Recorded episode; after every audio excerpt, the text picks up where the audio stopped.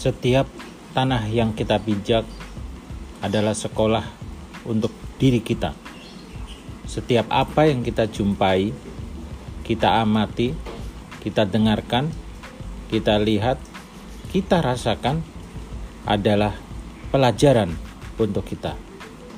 Mari kita menjadi pembelajar sejati, belajar tanpa batas, belajar apa saja, kapan saja, di mana saja.